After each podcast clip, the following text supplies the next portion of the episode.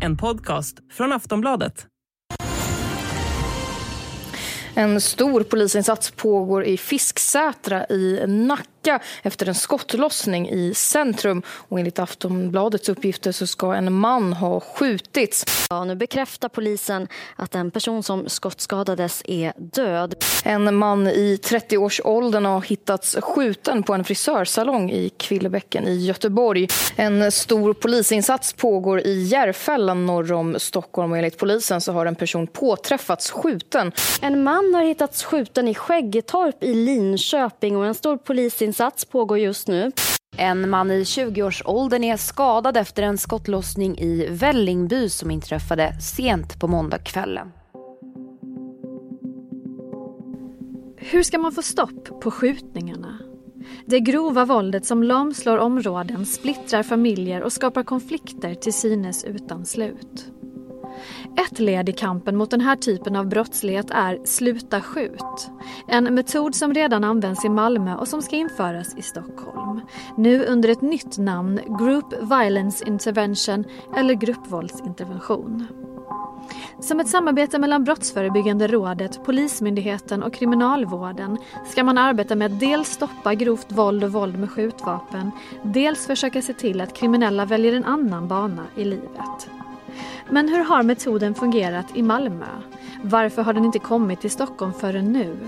Kommer den att ha någon effekt där och vilka är de största utmaningarna för polisen framåt vad gäller den organiserade brottsligheten? Det ska vi prata om i dagens Aftonbladet Daily. Jag heter Olivia Svensson. Oshin Cantwell är nyhetskolumnist på Aftonbladet med särskilt fokus på rättsfrågor. Han får börja med att berätta om metoden Group Violence Intervention. Vad innebär den?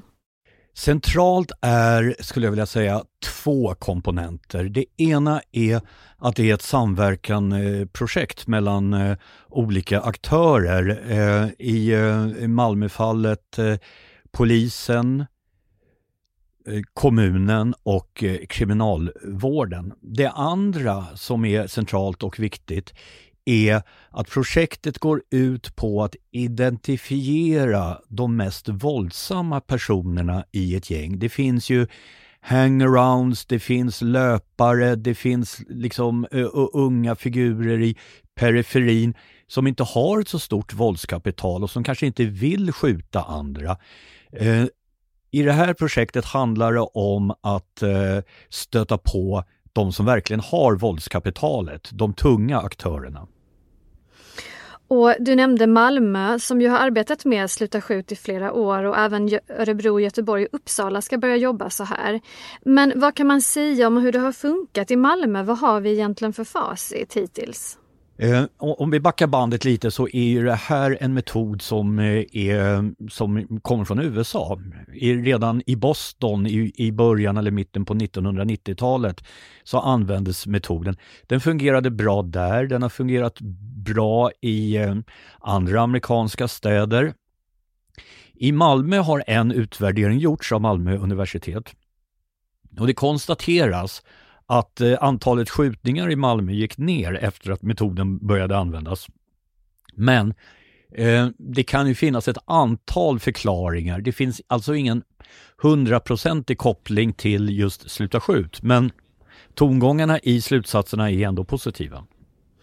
Och nu står alltså Stockholm på tur. Men varför har det tagit sån tid för det här projektet att komma till huvudstaden där det ju finns väldigt dokumenterade problem med den här typen av skjutningar och organiserad gängbrottslighet?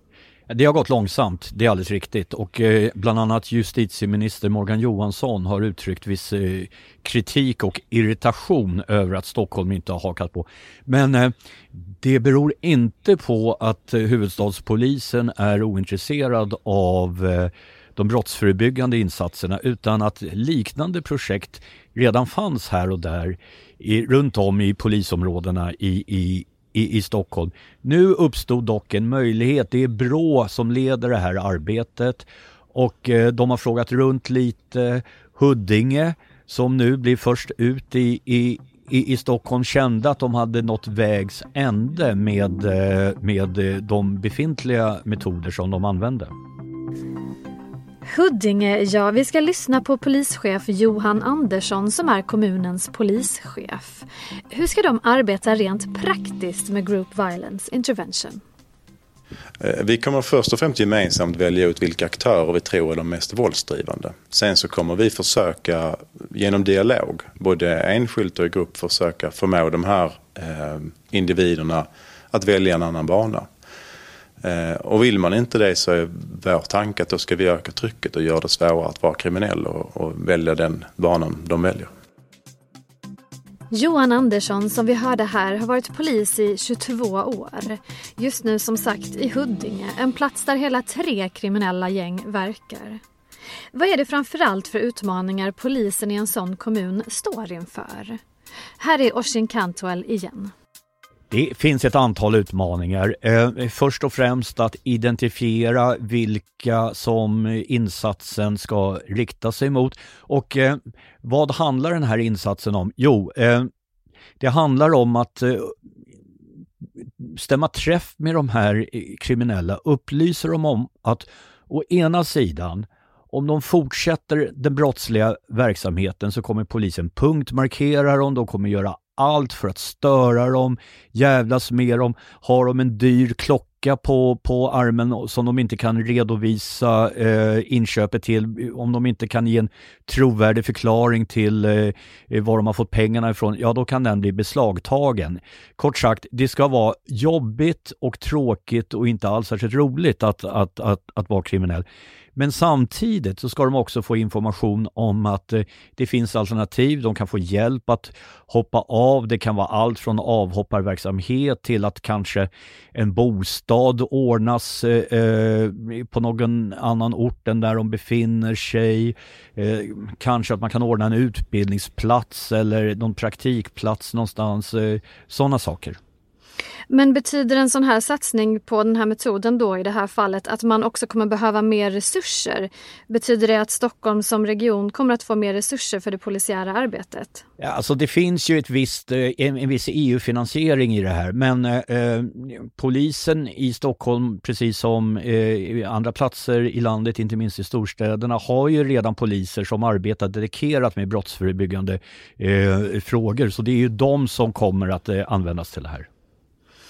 Nu har det ju ändå rört på sig en hel del vad gäller just hur polisen jobbar, till exempel genom Encrochat eh, där man ju har haft väldigt mycket framgång i att, att liksom åtminstone försöka reda ut vad det är som händer i olika, eh, vad ska man säga, i olika fall. Men, men vad, har, vad, eh, vad kommer det här, tror du, att innebära för polisens jobb just i Stockholm?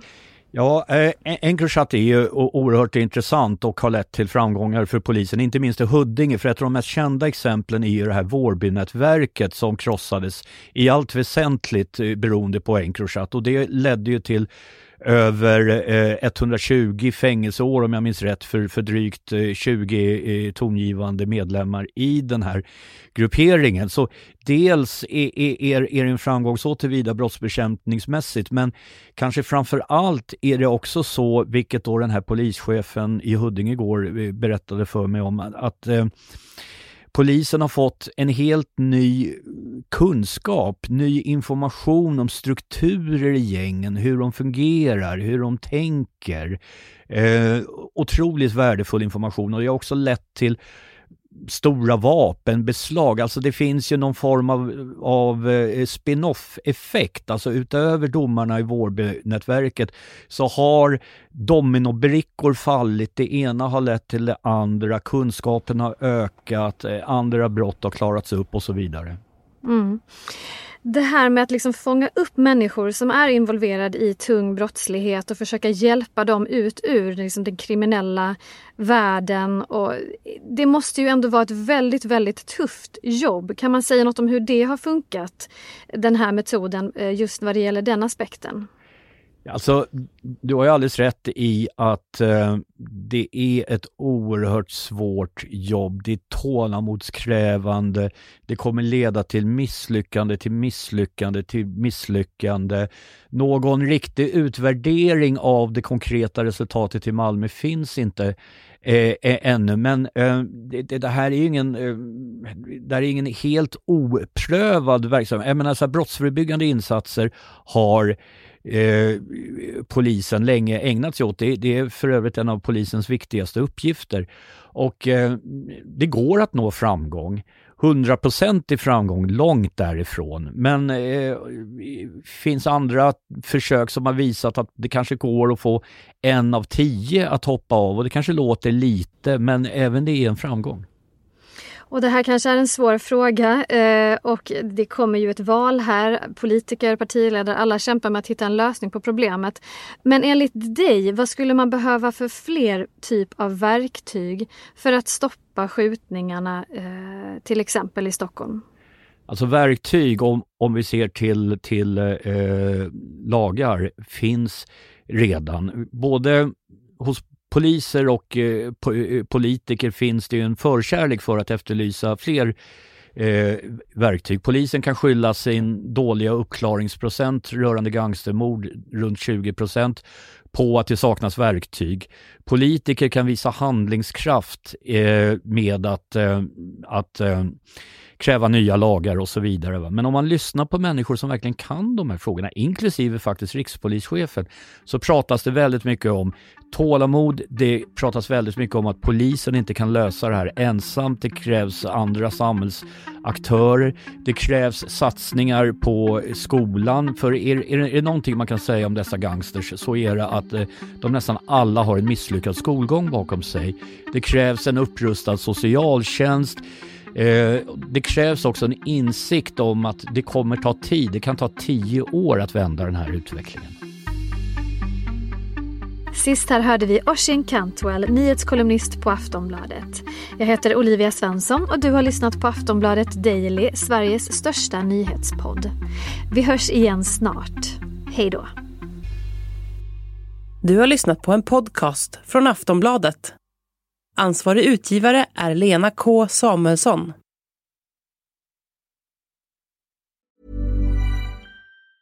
When you're ready to pop the question, the last thing you want to do is second guess the ring. At BlueNile.com you can design a one-of-a-kind ring with the ease and convenience of shopping online. Choose your diamond and setting. When you find the one, you'll get it delivered right to your door. Go to Bluenile.com and use promo code LISTEN to get $50 off your purchase of $500 or more. That's code LISTEN at Bluenile.com for $50 off your purchase. Bluenile.com code LISTEN.